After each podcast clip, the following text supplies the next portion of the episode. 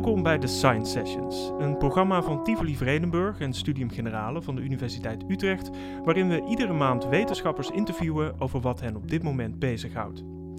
In deze aflevering kijken we naar de macht van grote bedrijven. Ondanks de ongekende economische schade die de coronacrisis aanricht, blijven aandeelhouders van grote bedrijven profiteren, zonder dat er extra geld naar de rest van de samenleving doorstroomt. Hoe kan dit? Kunnen we bedrijven dwingen meer publieke verantwoordelijkheid te nemen? We spreken met Rutger Klaassen, filosoof aan de Universiteit Utrecht. Rutger, welkom. We zijn begonnen. Dankjewel. Hoe gaat het met je? Ja, goed. Even spannend of we toch nog uh, on-air zouden komen, maar het is gelukt. Goed zo. Uh, we gaan het hebben over uh, de rol van bedrijven in deze samenleving. daar is de laatste jaren heel veel kritiek op. Maar laten we even beginnen bij de coronacrisis. Vorig jaar, toen die uitbrak, werden gigantische steunpakketten naar bedrijven gestuurd. Ook naar hele grote bedrijven. KLM, Booking.com, daar was toen heel veel ophef over. Hoe, hoe heb jij eigenlijk naar, die, uh, nou ja, naar dat beleid van de overheid gekeken? Nou, ik vond het wel uh, opmerkelijk wat er gebeurde. Um, met name omdat heel veel mensen zeiden: uh, dit is eigenlijk uh, het einde van het neoliberalisme. Ja. Hè, dat zagen we al na de steunpakketten aan de banken tien jaar geleden, na de financiële crisis.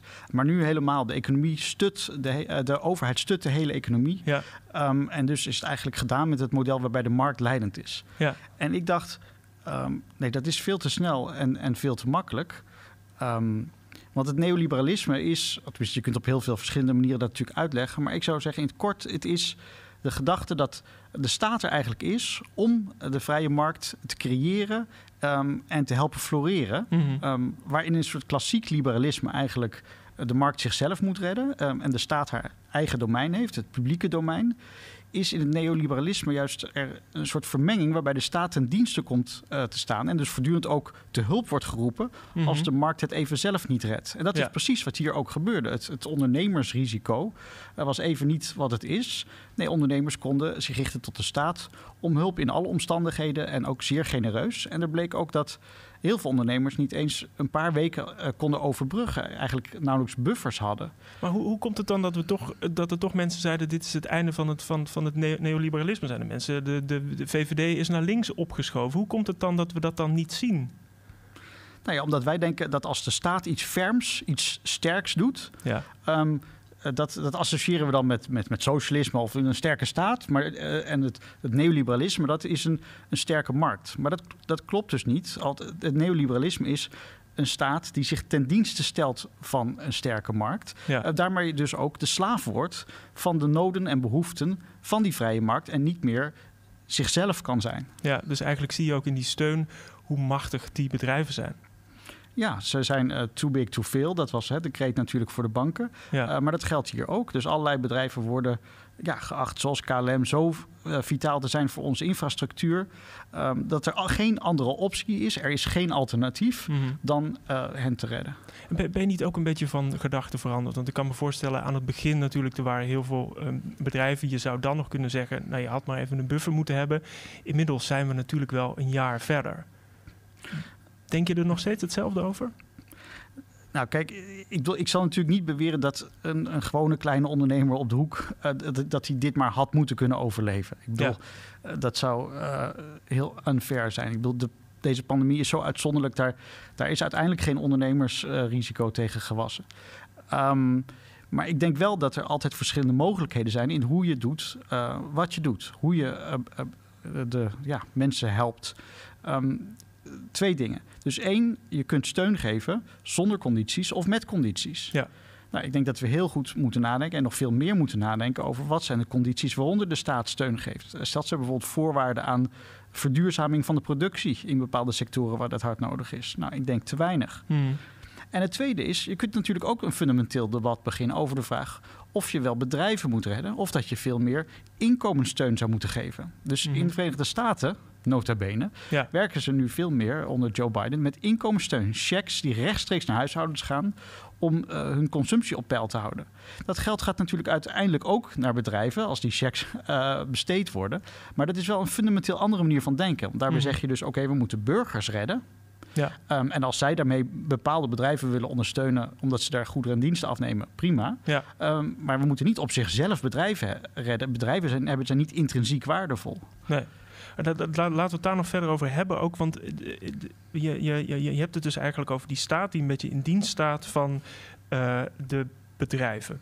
Nou heb ik geleerd bij, bij de economische les op de middelbare school dat je uh, private sector hebt, dat zijn dan de bedrijven. Je hebt de publieke sector, dat is de politiek. En die moeten eigenlijk niet zo heel veel met elkaar te maken hebben. Zeg ik dat dan goed?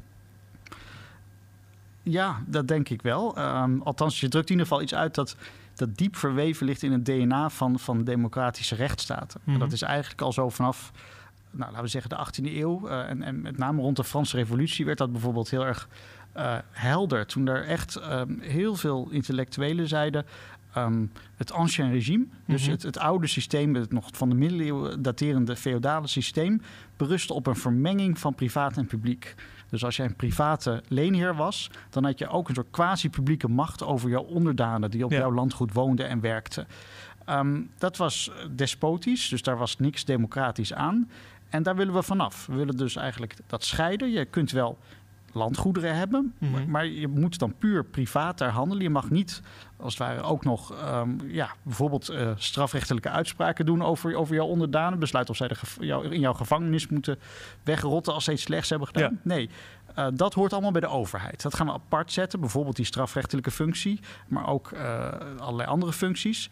Dat worden publieke functies en die worden democratisch gecontroleerd. Ja, dus je ziet daar eigenlijk die, die scheiding tussen dat privaat en de politiek ontstaan de wens tot die scheiding. Dus hm. het is een programma. Het is een ideologisch programma. Het is het DNA van, van, het, van het brede liberalisme dat eigenlijk sinds die tijd opkomt. Um, dat zowel een linker als een rechter flank heeft. Maar links en rechts zijn dat eigenlijk, dat is een nieuwe indeling natuurlijk ook sinds die tijd. Mhm. Die zijn het eigenlijk over één ding eens. De moderne tijd is de tijd waarin het publieke en het private gescheiden zouden moeten worden. En dan debatteren links en rechts over wat er dan wel of niet publiek moet zijn. En hebben verschillende ideeën over hoe groot bijvoorbeeld de staat zou moeten zijn. Maar dat idee van die scheiding, dat eh, wordt breed gedeeld. Ja. Um, maar dat programma, dat is vervolgens iets dat niet zomaar gemakkelijk te realiseren is. De werkelijkheid bleek veel weerbarstiger. Um, en er ontstonden toch eigenlijk ondergronds allerlei vermengingen, of allerlei oude vermengingen werden misschien wel doorgezet. Um, dat was niet de bedoeling. En daardoor ontstond daar een blinde vlek voor. Mm en, en als we dan zeg maar naar nu gaan, zijn dat dezelfde soort blinde vlekken? Of zet ik dan een te grote historische stap? Um, nou, ik denk. Um, laat ik twee blinde vlekken noemen. En uh, ik begin met iets wat ja, niet tot mijn onderzoeksspecialisatie behoort, maar toch wel aardig is om te noemen. Mm -hmm. het, het, het, de, de, de macht van um, echtgenoten over hun echtgenotes, dus van de man over de vrouw in het huishouden. Mm -hmm. uh, wat natuurlijk een thema is dat sinds het, uh, het feminisme uh, na de oorlog opkwam en ook met name natuurlijk in de jaren zeventig, was er de kreet van hè, het persoonlijke is politiek. Ja. Dat was dus eigenlijk een poging om te zeggen, er is hier een soort despotische macht in de private sfeer, namelijk van mannen over hun vrouwen. Mhm. Ehm, die is ongecontroleerd, omdat dat zogenaamd allemaal privaat is. Het is achter de voordeur. Uh, en dat is problematisch. Eigenlijk moet dat ook gepolitiseerd worden. Mm -hmm. nou, dichter bij mijn eigen onderzoek, zo kun je ook die, die economische macht zien als iets dat eigenlijk in de private sfeer zit in ons denken, uh, dat er die scheidslijn wordt gekenmerkt. Um, waardoor we niet zien dat het ook uh, politieke of publieke effecten kan hebben, die, die politiek of publiek uh, gecontroleerd zouden moeten worden. En wat, wat, wat, wat bedoel je dan? Uh, hoe, hoe bedrijven omgaan met hun werknemers? Bijvoorbeeld? Ja, bijvoorbeeld. He, dus en, om terug te komen ook op wat je zei van ga ik dan te snel? Nou ja, de historische ontwikkeling is natuurlijk dat in de economie voortdurend een verschuiving is. Um, in de basis waarop economische macht gegenereerd wordt. Vroeger inderdaad veelal door landbezit. In de 19e eeuw krijgt natuurlijk de industriële revolutie. En dan wordt uh, bezit van kapitaal ook veel belangrijker. Dan ontstaan bedrijven in een moderne vorm. Um, nu voor een deel ook uh, zit uh, de economische macht bij degene die patenten hebben en allerlei immateriële uh, producten. dus er is een voortdurende verschuiving in de basis waarop economische macht rust. Maar de constante is eigenlijk dat dat altijd ook een soort wat ik noem quasi-publieke effecten genereert. En mm inderdaad, uh, macht over werknemers is er één van. Hè? Dus de, de leenheer versus de horige op het landgoed ja. um, is nu vervangen door het platform Uber en de taxichauffeurs. Of nou, welk voorbeeld je maar ook wil noemen. Ehm, dus je ziet voortdurend die, ehm, ja, dat probleem weer terug in de die, die, die uh, topmannen die ontzettend veel geld, geld verdienen... En, de, en de werknemers die voor een, voor een hongerloontje iets doen bijvoorbeeld. Zo'n zo'n zo'n tegenstelling. Maar goed, dus je hebt dat, dat programma hè, om die twee uit elkaar te halen... en je ziet eigenlijk in de, in de realiteit toen en nu dat dat niet helemaal lukt... Is het nou een oplossing om nou ja, die negatieve effecten van die bedrijven te voorkomen, om ze, om ze wel goed uit elkaar te halen? Of zeg je dat kan eigenlijk helemaal niet? Um, dat is een. Uh, dat is een hele moeilijke vraag. Um, En het, het, is eigenlijk. De, vraag is zo groot en zo moeilijk dat. Um, ja, dat hij misschien niet, niet simpel stellen. ja of nee. Dus enerzijds zou je bepaalde dingen willen doen om de scheidslijn wel duidelijker te markeren. Daar kunnen we misschien zo over voorbeelden spreken. Uh, maar anderzijds is het denk ik tegelijk meteen uh, moet je zeggen, het zal een illusie zijn om dat volledig te laten slagen. Tenzij je bereid bent om bedrijven radicaler, uh, radicaal kleiner te maken. Dus mm een van de grote cruciale dingen is dat heel veel van de macht gegenereerd wordt door omvang. Um, en ja, die omvang heeft ook enorme voordelen. door die omvang, schaalvergroting van het bedrijfsleven, hebben we ook de consumptiemaatschappij die we vandaag de dag hebben. Mhm. Deze week uh, een mega tanker met containers die in het Suezkanaal klem zat. Ja, nou, daar zie je op televisie weer de, de enorme schaalomvang van de productie en de aanvoerlijnen Um, dat genereert, ja, dat is een systeem natuurlijk heel veel welvaart genereert. Ook heel veel kritiek op die welvaart. Daar kunnen we het ook over hebben. De schaduwzijde van ons consumentisme. Hmm. Maar um, ja, zo'n systeem is veel moeilijker te handhaven als je bedrijven, ja, als je ze bedrijven zou dwingen weer veel kleiner te zijn. Dan hebben ze minder macht, maar dan verliezen we ook die voordelen. Ja, laat ik hem dan zo stellen. Wanneer wordt die vermenging van dat politieke en dat private, wanneer wordt dat een probleem? Wanneer gaat dat te ver? Um, ja, het korte antwoord daarop is, uh, dat is, dat is politiek. Dus ik denk dat verschillende politieke richtingen gevoeliger zijn voor wanneer dat te ver gaat uh, op allerlei onderdelen. Dus een partij die sterk staat voor uh, diversiteit en, en inclusiviteit op de werkvloer, die zal heel snel zeggen, nou kijk nu naar uh, het gebrek aan diversiteit in de boardroom. Het gebrek aan, aan, aan vrouwen en, en mensen met een andere etnische achtergrond. En die zal zeggen, nee, politiek onaanvaardbaar, daar moet een quotum komen. Ja. Andere partijen zullen zeggen, nou, we wachten nog 10, 20 jaar af. dat moeten bedrijven zelf doen. Een, een, politieke partij die sterk staat voor ecologisch duurzamer produceren, die zal sneller zeggen, daar is een probleem. Uh, bedrijven zijn machtig, maar ze maken de omslag niet, de transitie niet naar een duurzame economie. Nou, werknemers hebben het net over gehad. Dus dit is natuurlijk een politieke vraag of je vindt dat bedrijven voldoende of onvoldoende uh, doen op al die terreinen. Ja, nou ja die, die kritiek die is natuurlijk al, al langer. Hè. De, de, winst die, die vloeit naar aandeelhouders in plaats van werknemers. multinationals die bepalen praktisch hun eigen belastingtarieven. Um, en tegelijkertijd, wat we dus net ook al zeiden, brengen ze ook schade toe aan de, aan, de wereld. Dat is dus ook een, een, een publiek belang. Maar als we de, de verkiezingsprogramma's uh, moeten geloven van, uh, van de afgelopen verkiezingen, dan lijkt die kritiek lijkt die wel gemeengoed te worden. Dus zelfs de VVD die stelde dat bedrijven de balans moeten herstellen tussen winst maken en de samenleving dienen. Dus iedereen is verontwaardigd al een tijdje, maar er is geen oplossing. Hoe komt dat?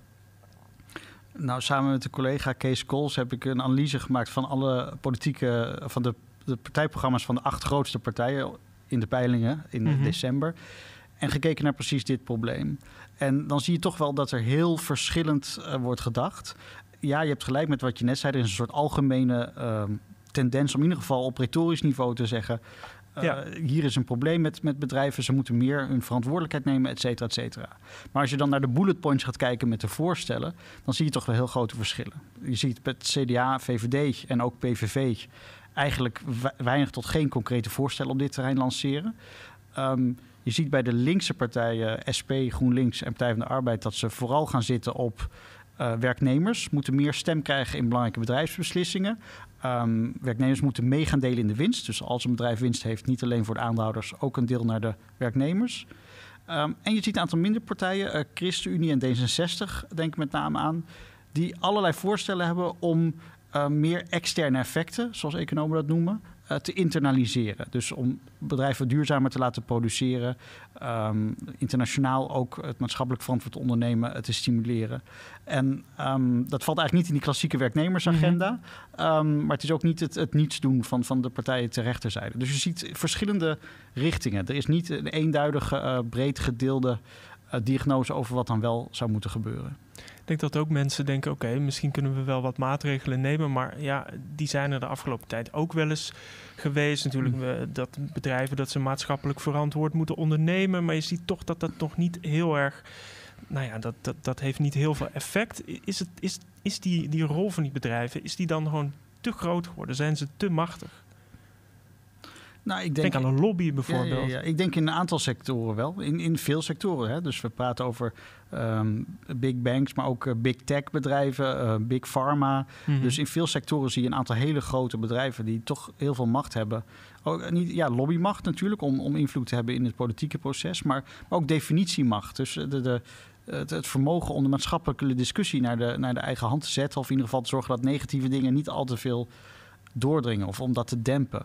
Ehm, maar je ziet ook, en ja, laten we ook de optimistische kant schetsen, de laatste jaren wel dat het maatschappelijk verantwoord ondernemen uh, meer uit de vrijwillige hoek langzaam aan het wegkomen is. Dus dat is decennia lang iets geweest dat als een soort morele plicht van bedrijven zelf werd gepresenteerd. Mhm.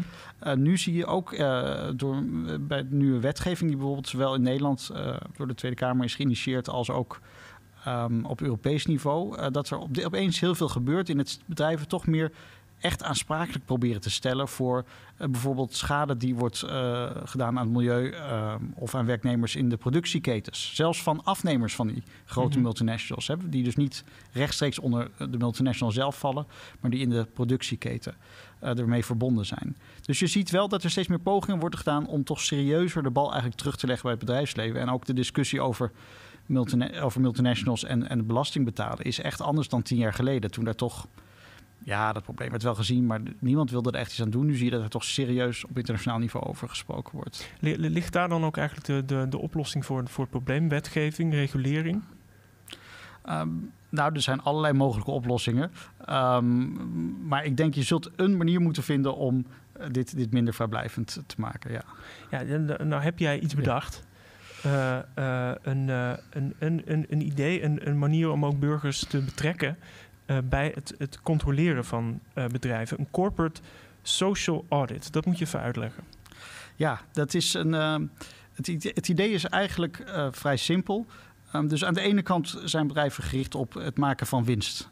En um, of die winst nu gaat naar de aandeelhouders of niet. Hè, winstdoelstelling leert elke economie-student is, is belangrijk. Als je niet voldoende winst maakt, dan is het ook moeilijk om te overleven. En dan kun je worden overgenomen door concurrenten. Aan de andere kant zijn er dus die, die andere doelstellingen. Hè? Dus in de People, Planet, Profit zijn dat de People en de Planet. Um, ik noem het maatschappelijke waardecreatie. Dus je hebt eigenlijk financiële waardecreatie en maatschappelijke waardecreatie. Mm um, en de kritiek is dus, daar gebeurt te weinig aan. Die kritiek deel ik. Nou, wat je zou kunnen doen is, en dat is het plan, om elke vier, vijf jaar een cyclus te hebben... waarin je bedrijven beoordeelt op hoe ze het hebben gedaan op die publieke waardecreatie.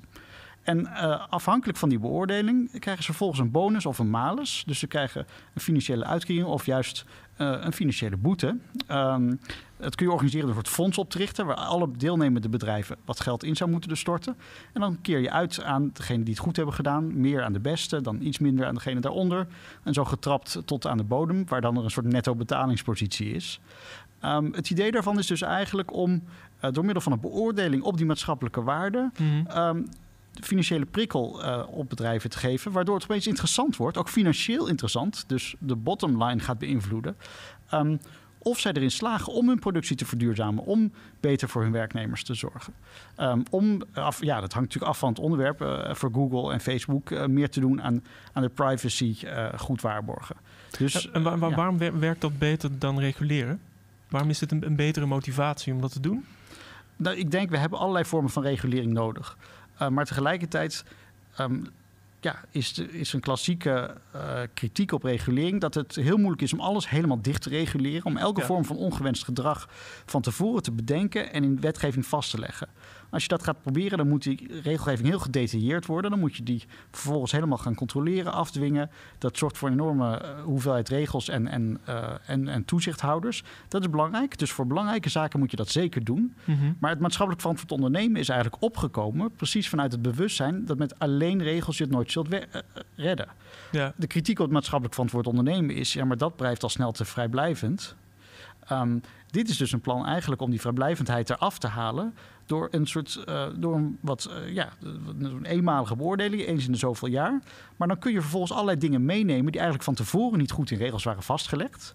Maar waarvan iedereen op de klompen aanvoelt... ja, Zoals? dat, Zoals? nou, zoals bijvoorbeeld ehm, ja, eh, zoals Booking.com, waar we mee begonnen. En Ja. dat je aan het begin van de crisis heel veel staatssteun aanvraagt... omdat je net je aandeelhouders goed hebt gefetteerd. Ja. En niet voldoende buffers hebt aangegeven. Nou, dan kun je zeggen, andere bedrijven hebben dat beter gedaan. Die worden dan in zo'n eh, competitie om maatschappelijke waardecreatie Mhm. beloond. Dus het, het is eigenlijk het gebruik van het concurrentiemiddel... maar niet voor eh, een concurrentie om wie kan het meeste financiële waarde creëren... maar een concurrentie om wie kan het meest maatschappelijke waarde creëren. Ja. En dan vervolgens moeten bedrijven in beide competities kunnen ze iets winnen. En dan moeten ze dus een balans vinden tussen beide competities. Een soort spelletje is en zo eigenlijk. ontstaat een soort nieuw evenwicht binnen bedrijven ook... in het denken over wat echt van belang is. Beide dingen zijn dan opeens van belang. Mhm. Nou, en als... als ehm, de, een van de vragen is natuurlijk, wie moet dat dan gaan beoordelen? ja, wie, wie, wie moet dat dan gaan doen? Wij. Jij en ik. Goeie vraag. Mensen die kijken. Ja, nou, ik denk, ehm, er zullen mensen zijn die kijken, die zullen zeggen, eh, dat kan het best gebeuren door experts. Dus we hebben nu ook experts bij, bij regulerende instanties, die, kunnen, eh, die weten uit ervaring wat binnen bedrijven gebeurt, die kunnen dat best beoordelen. Ehm, ik begrijp dat. En ik denk ook dat zeker experts erbij betrokken moeten zijn.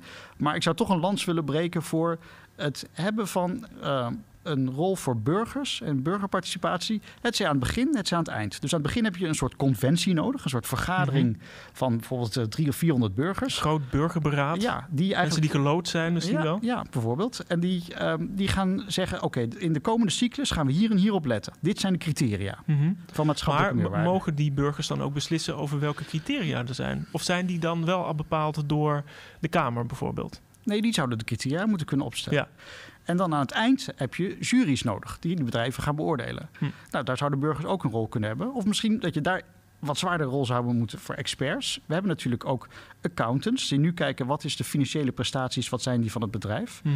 Nou, er zijn ook bewegingen in de accountantswereld om meer aan niet-financiële verslaglegging en rapportage te doen. Ehm, dus daar, daar is al veel beweging gaande in het beter in kaart brengen wat eigenlijk de, de, ecologische en de sociale prestaties van bedrijven zijn. Nou, die kunnen als experts ook daar dus heel veel informatie opleveren. Eh, De vraag is dan of het, of het uiteindelijk oordeel door bijvoorbeeld door burgers zou kunnen gebeuren. Ik denk dat we daarmee moeten experimenteren. Maar ik wil eigenlijk ehm, het filosofische punt eronder benoemen. En dat is dat we dus eigenlijk vanaf die tijd van de Franse Revolutie en de, de, de idealen van de verlichting, de opkomst van het democratisch denken, heel erg de, de burgers hebben geplaatst tegen de overheid. Dus de overheid moet worden gecontroleerd door de burgers. Ja. En volgens gaat de overheid gaat burgers reguleren, zoals de Mhm. overheid nu ons gedrag reguleert van, van individuele burgers, of we wel of niet op straat mogen komen, of dat er een avondklok is. Mhm. Uh, maar overheid gaat ook uh, economische burgers, dus bedrijven, Bedrijven, reguleren. Ja. Dus burgers zijn zelf niet in relatie tot die bedrijven. He, ze staan in relatie tot de overheid en dan Ja. moet de overheid vervolgens bedrijven reguleren. Precies, ze kiezen volksvertegenwoordiger en die moeten dat dan gaan doen. Maar wat nou als bedrijven dus eigenlijk op het snijvlak van privaat en publiek zitten, Mhm. en zeker de grote bedrijven, ehm, zoveel macht hebben dat ze eigenlijk ook een soort quasi-publieke actoren zijn. Dan zou er toch reden zijn om ook dus een relatie te leggen, een soort af, ehm, afrekeningsrelatie, een verantwoordingsrelatie Mhm. tussen bedrijven en burgers. Net Ja. als die is tussen bedrijven en overheden. Eh, overigens nog één ding voor goede orde. Het plan is om dit eh, zo'n social audit dus verplicht te stellen voor grote bedrijven. Dus Ja. vanaf 250 werknemers of een bepaalde omzet. Er zijn, zijn ook definities voor in Europa. Ja. Waar het MKB eh, ophoudt en grote bedrijfsleven begint. Ja. Het voorstel is om dit niet te doen voor, voor MKB. Dus omdat zij zo groot zijn, omdat hun, hun invloed waarschijnlijk groter is, ook voor het, voor, voor het publieke belang, Ja. is het logisch dat burgers hen gaan controleren. En denk je dat daardoor ook de verontwaardiging verdwijnt? De Nou- afstand tussen die twee. Kijk, ik ben heel erg voor het idee dat burgerschap, eh, dat daar rechten en plichten eh, bij horen. Dus burger is een rol die we allemaal bekleden. Mhm. om eigenlijk als individu een stukje deel te zijn van de publieke, eh, publieke zaak. Ehm, Dus ik denk dat uh, verontwaardiging vaak iets is dat uh, gratuit ontstaat, omdat je niet daadwerkelijk kunt meepraten. Dan kun je hard luchten, kun je alles zeggen. Mhm. Want ja, wat jij zegt doet er toch niet echt toe. Ja. Um, op het moment dat jij moet nadenken van... konden we de afgelopen vijf jaar van dit bedrijf nu verwachten... dat ze zo en zoveel CO2-reductie zouden hebben kunnen boeken? Of kun je dat eigenlijk redelijk gewijs als je naar een markt kijkt... dat niet van dit bedrijf Mhm. verwachten? Ja, dan zit je opeens in een positie van verantwoordelijkheid... en dan moet je anders gaan nadenken. En dan, uh, ja, dan, is, dan is er misschien nog steeds verontwaardiging. Maar Ja. dan, dan moet je die gaan uitleggen aan bijvoorbeeld de mede-panelleden van het burgerpanel waarin je zit. Ja. En met elkaar tot een oordeel komen, vergelijkend tussen verschillende bedrijven, wie wel of niet het goed heeft gedaan. Dus dat is, dan ontstaat als het goed is. En uh, nou ja, er zijn ook wel experimenten met, met burgerberaden. Je moet dat goed inbedden. Je moet er ook bijvoorbeeld experts bij hebben die dingen kunnen uitleggen. Maar als het goed is, ontstaat dan een constructief gesprek. Hoe zorg je dat deze bedrijven er ook aan mee willen doen? Moet je dat afdwingen? Ja, voor deze grote bedrijven zou dit gewoon een wettelijke verplichting moeten zijn. Dus ze moeten allemaal een, een, een fee, een bijdrage in het fonds storten. En uh, vervolgens krijgen ze uh, de evaluatie eens in de vijf jaar. Denk je niet dat er ook wel een risico is dat bedrijven uh, misschien de cijfers net een beetje tweaken, dat ze zichzelf mooier voordoen dan ze eigenlijk zijn ja. na die vijf jaar? Ja, ja. Dus ik heb dit plan nu aan een aantal keer aan, aan, aan verschillende publieken gepresenteerd. En dit is eigenlijk het centrale punt dat altijd terugkomt. En dat is denk ik ook een, een serieus risico. Ja. Dus het plan is ook, uh, het is natuurlijk bedoeld om, om een beetje te provoceren, om na te denken hoe kunnen we een nieuwe relatie creëren tussen bedrijven en de samenleving. Mm -hmm. um, als we dit ooit echt zouden gaan doen, dan zou dit een centrale punt van zorg en aandacht moeten zijn. Hoe kun je zorgen dat de beoordeling die je maakt uh, betrouwbaar is. Ja. En dat bedrijven niet uh, dit spel naar hun hand kunnen zetten. Want als dat zo is, dan heb je inderdaad um, een probleem voor de legitimiteit van, van deze hele audit. Ik denk dus dat. Um, ja, je zult ook moeten experimenteren. En misschien een aantal cycli warm draaien voordat het systeem goed werkt. En daar heb je misschien ook wel die experts voor nodig om te checken of die bedrijven zich niet beter voordoen. Ja, maar kijk, ik stel het me ook zo voor dat je bijvoorbeeld in de aanloop naar, net als in de aanloop naar verkiezingen, heel veel debat is, dat ook in de aanloop naar uh, de, de, laten we zeggen, vijf jaar of zesjaarlijkse audit. Um, allerlei teams van wetenschappers ook stukken schrijven en op internet zetten. Hè? Uh, paper, position papers, waarin zij zeggen: Nou, wij hebben de, de farmaceutische sector doorgelicht. Wat ons betreft is dit de ranking tussen bedrijven. En dan met al pagina's lang verantwoording waarom. Um, nou, dan kan een wetenschappelijk team uit Maastricht uh, dat doen. Een wetenschappelijk team uit Amsterdam zal misschien uh, het weer anders beoordelen. Er komt, moet allerlei informatie eigenlijk naar boven komen. Journalisten kunnen dingen gaan onderzoeken. Mm -hmm. Dat kan allemaal op tafel liggen natuurlijk bij het burgerpanel. Ja. Uh, dus in die zin, het is, zou niet de bedoeling moeten zijn dat zij al het werk moeten gaan doen uh, van, van bedrijfsbezoeken en, en maandenlang vrij afnemen om dat bedrijf te bestuderen. Het een fulltime baan wordt bijna. Nee, nee, nee. Ja. Maar we hebben natuurlijk, als het goed is, een, een civil society, wat ik zei, met wetenschappers, met journalisten, met, met, met burgerjournalisten. Hè, mensen zelf die in de vrije tijd helemaal fanaat zijn van bepaalde serie bedrijven en daarna gaan kijken. En, en allerlei anderen die zich er tegenaan gaan bemoeien. En ja, uit die verschillende bronnen van informatie moet een beeld op, uh, opstijgen dat de waarheid benadert. Ik, ik ben toch benieuwd. Jij, jij schrijft zo'n zo'n voorstel en je legt dat natuurlijk aan, aan allerlei mensen voor. We hadden net al één voorbeeld naar één mogelijke kanttekening. Zijn er nog andere kritiekpunten die uh, misschien wel collega-filosofen hebben, hebben laten zien aan jou? Ja, mag, ik noem twee heel verschillende. Dus één echt filosofisch en één veel meer praktisch. En, en er zijn uh, filosofische collega's die zeggen... Uh, ik vind dit geen goed idee. Want Mhm. mm -hmm. ik vind echt dat bedrijven gereguleerd moeten worden door de staat. Regels. En voor de rest is er, kun je een moreel appel doen, maar that's it. Mm -hmm. Moeten mensen zelf weten wat ze doen. En, en bedrijven zijn ook gewoon een soort mensen of verzamelingen mensen. Dus dit is eigenlijk een soort politiseren van het morele oordeel. Ja. Uh, en dat vind ik geen goed idee. Nou, ik denk dat dus dat niet klopt. Want ik denk dat bedrijven niet private personen zijn zoals jij en ik. Maar dat kun je vinden. Een meer pragmatisch probleem uh, heeft te maken met de internationale dimensie. Dus veel van wat Nederlandse multinationals doen, gebeurt buiten Nederland. Precies. Moet je die informatie van wat dochterbedrijven doen buiten Nederland betrekken in de audit of niet? Wat zouden mensen vinden van die landen? Wat zouden uh, mensen in die landen waar die dochtermaatschappijen functioneren, wat zouden die vinden?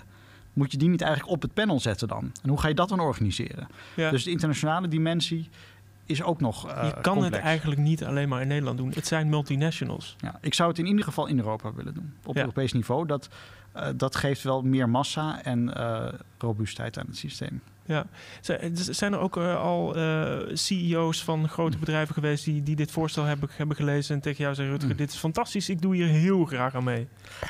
Um, nee, nog niet. Maar het is net vorige week verschenen uh, in druk. Dus, ja.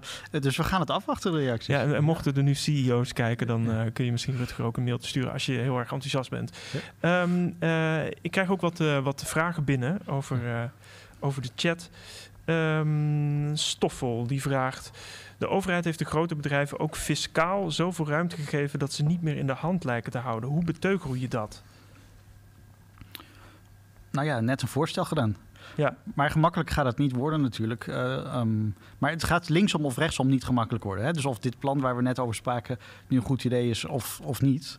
Um, ja, wat ik zei, net zei, er zijn ook allerlei andere regel, regel, regelgeving, ook op Europees niveau, is op dit moment in de maak om bedrijven meer aansprakelijk te stellen hoe dan ook zal er altijd een gevecht zijn om de definities en, en om de scope, de rijkwijde van dergelijke voorstellen en de pogingen van bedrijven om die rijkwijde in te perken. Mhm. Dus dat, ja, dat wordt sowieso een hele klus.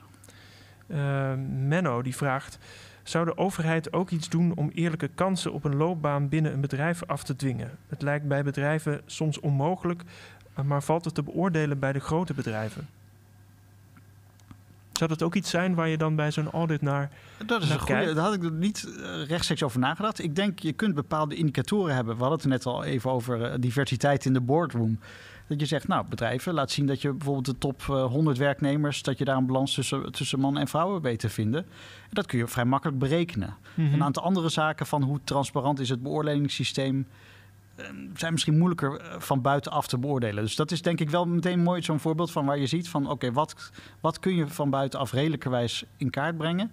En, en waar is zoveel inside information dat eigenlijk het vrij makkelijk is voor bedrijven om uh, ja, een mooi gezicht op te zetten, maar, maar tegelijkertijd iets anders te doen. Um, maar ja, je kunt je natuurlijk wel voorstellen dat je een algemeen plan hebt voor, voor personeelsbeleid. En dat dat in ieder geval dat, dat uh, of niet alleen een plan, maar ook hè, de staande werkelijkheid, dat je die beschrijft als bedrijf. Ja. Um, dat soort documenten zijn er natuurlijk al. En dat dat onderdeel wordt van de audit.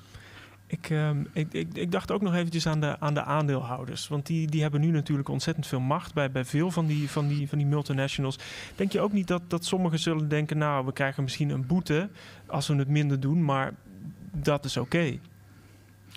Nou, die boete moet dan wel erg flink zijn voor, voor bedrijven om mee te willen doen. Ja, dus een van de eh, dingen die, uh, die we voorstellen, want ik heb uh, samen met Michael Bennett, een postdoc, dit, dit plan uitgewerkt, dus niet alleen. Um, een van de dingen die we voorstellen is om um, het, ehm, het zo te doen dat je eigenlijk het moet relateren aan de omzet. Dus zowel de, de, de bonussen aan de top van het systeem. Uh, dus we stellen bijvoorbeeld voor om, om, om vijf of tien uh, tiers te hebben. Dus lagen van beoordeling, A tot en met J bijvoorbeeld. En in welke laag je valt, uh, is een bepaald percentage van je omzet dat bonus of malus is.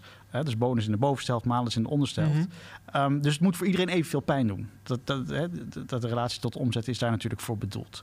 Um, maar ik sta open voor andere suggesties. Dus, dus ja, ik verwelkom bijvoorbeeld ook economen die hier nog eens goed naar willen uh, kijken en willen gaan rekenen. Maar dat, dat zou moeten, zouden we moeten kunnen ondervangen door dat het, ja, als de boete niet hoog genoeg is, dat het niet interessant is. Uh, dan moet hij hoger. Ik moet zeggen, ik word wel steeds enthousiaster, uh, Rutger, van het, uh, van het plan. Um, Gerrit, die vraagt... moeten pensioenfondsen en verzekeraars niet een grotere rol pakken... in het controleren van multinationals? Pensioenfondsen en verzekeraars beleggen met het geld van burgers, ons geld. Dus kunnen zij niet namens burgers meer invloed uitoefenen? Ja, ik, ik sprak daarover met een aantal mensen in de pensioenwereld. En um, die willen wel. en er is ook heel veel beweging rond impact investing, heet dat. Dus te kijken als investeerders, en pensioenfondsen zijn natuurlijk hele belangrijke investeerders, um, of je meer op maatschappelijke impact van bedrijven kunt sturen. Dus daar gebeurt zeker wat. Ik krijg toch ook wel de indruk uit die wereld dat er wel echt een grens is aan wat kan gebeuren. Op het moment dat er uh, win-win situaties zijn, dus dat je maatschappelijke impact kunt creëren en de winst blijft goed op peil, dan is het prima. Maar als je de pensioenfondsen vraagt, zijn jullie bereid om met minder genoegen te nemen, minder rendement, om meer, ja, wat ik noem, maatschappelijke waardecreatie uh, tot stand te brengen? Ja, dan zeggen ze, ja, maar onze toekomstige pensioneerden willen wel ja, een zo groot mogelijke uitkering. En dan is er toch veel huiver om echt stappen te zetten. Mm -hmm. Dus daarom ook dit plan om dus iets te doen wat ook de bottom line zelf van bedrijven beïnvloedt. Ja, en hebben we eigenlijk niet meer van dit soort spannende ideeën nodig? Ja, dat ben ik niet tegen natuurlijk. Ja, want, want ja. tegelijkertijd, het, het, breekt natuurlijk wat, wat, wat open. En anderzijds moet ik ook wel zeggen dat ik denk, gaat dit er echt van komen? Uh, ik bedoel, er, er, er, is nog niemand mee. Uh, uh, de belangen zijn natuurlijk hartstikke groot. Gaan bedrijven dit nou echt willen doen?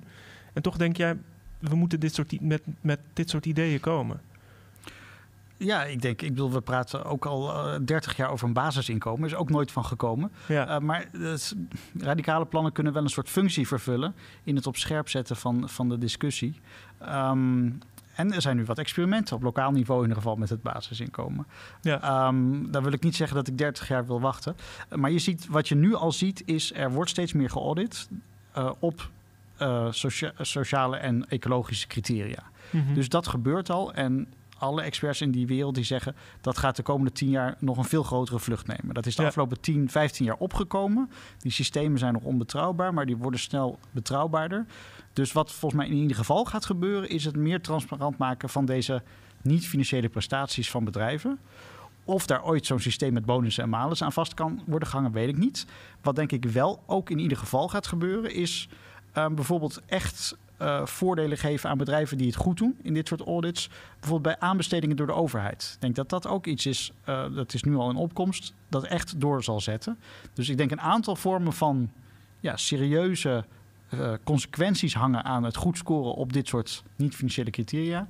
Nou, een aantal dingen zullen zeker gaan gebeuren. Ja, we, hebben natuurlijk over de macht van, van, van gro grote bedrijven. Um, denk je dat dat soort grote bedrijven ook moeten verdwijnen eigenlijk? Of denk je dat dit eigenlijk de manier is om gewoon grote, grote bedrijven te hebben, multinationals te houden, maar ze wel beter democratisch te controleren? Nou ja, kijk, we hebben natuurlijk een mededingingsbeleid. En er is ook veel in die wereld in beweging. Uh, met name ook in Amerika, waar toch echt wordt gezegd... we moeten eigenlijk terug naar de oorsprong van het denken over mededinging, over concurrentie. En we zijn eigenlijk te slap geweest. We hebben te veel grote bedrijven laten ontstaan. En we moeten toch eens nadenken of er niet een aantal uh, sectoren te veel dominante posities zijn ontstaan. Mm. Um, dus ik denk dat er op dat terrein ook wel wat moet gebeuren. Maar zoals ik aan het begin van, van het gesprek ook zei, ik denk dat het fenomeen van grotere bedrijven. Um, ja, dat dat niet zal verdwijnen, omdat de schaalvoordelen die daarmee samenhangen uh, zo indrukwekkend zijn. Uh, dat we niet bereid zullen zijn om, om dat op te geven. En dus is er die vraag naar de democratische verantwoording van het handelen van die grote bedrijven. Ja. Ben je, ben je hoopvol? Zitten we in een, in een, in, op, een, op een omslagpunt, denk je? het lijkt wel zo te zijn dat de maatschappelijke discussie de laatste jaren inderdaad naar een omslagpunt aan het toewerken is. Um, maar ik weet niet of ik mezelf echt optimisme durf uh, toe te staan. Want de belangen zijn groot, zoals je al zei. En um, ja, er zit in ons allemaal, niet alleen in grote bedrijven, maar ook in ons als consument, uh, ook een stukje conservatisme. Een stukje behoudzucht en, en, en weerstand tegen verandering. Um, dus eh, ja, daar, het is het, het, gevecht eigenlijk ook tegen onszelf in die zin. Um, we profiteren natuurlijk allemaal van het kapitalisme. Nee, we profiteren niet allemaal in gelijke mate. Maar in bepaalde mate profiteren veel Nederlanders van, van het kapitalisme. Mm -hmm. um, van die grote containerschepen waar we het over hadden uh, in het Suezkanaal en alle ja. spullen die daarin zitten. Um, de vraag is hoeveel we eigenlijk daarvoor willen opgeven. Ja. ja.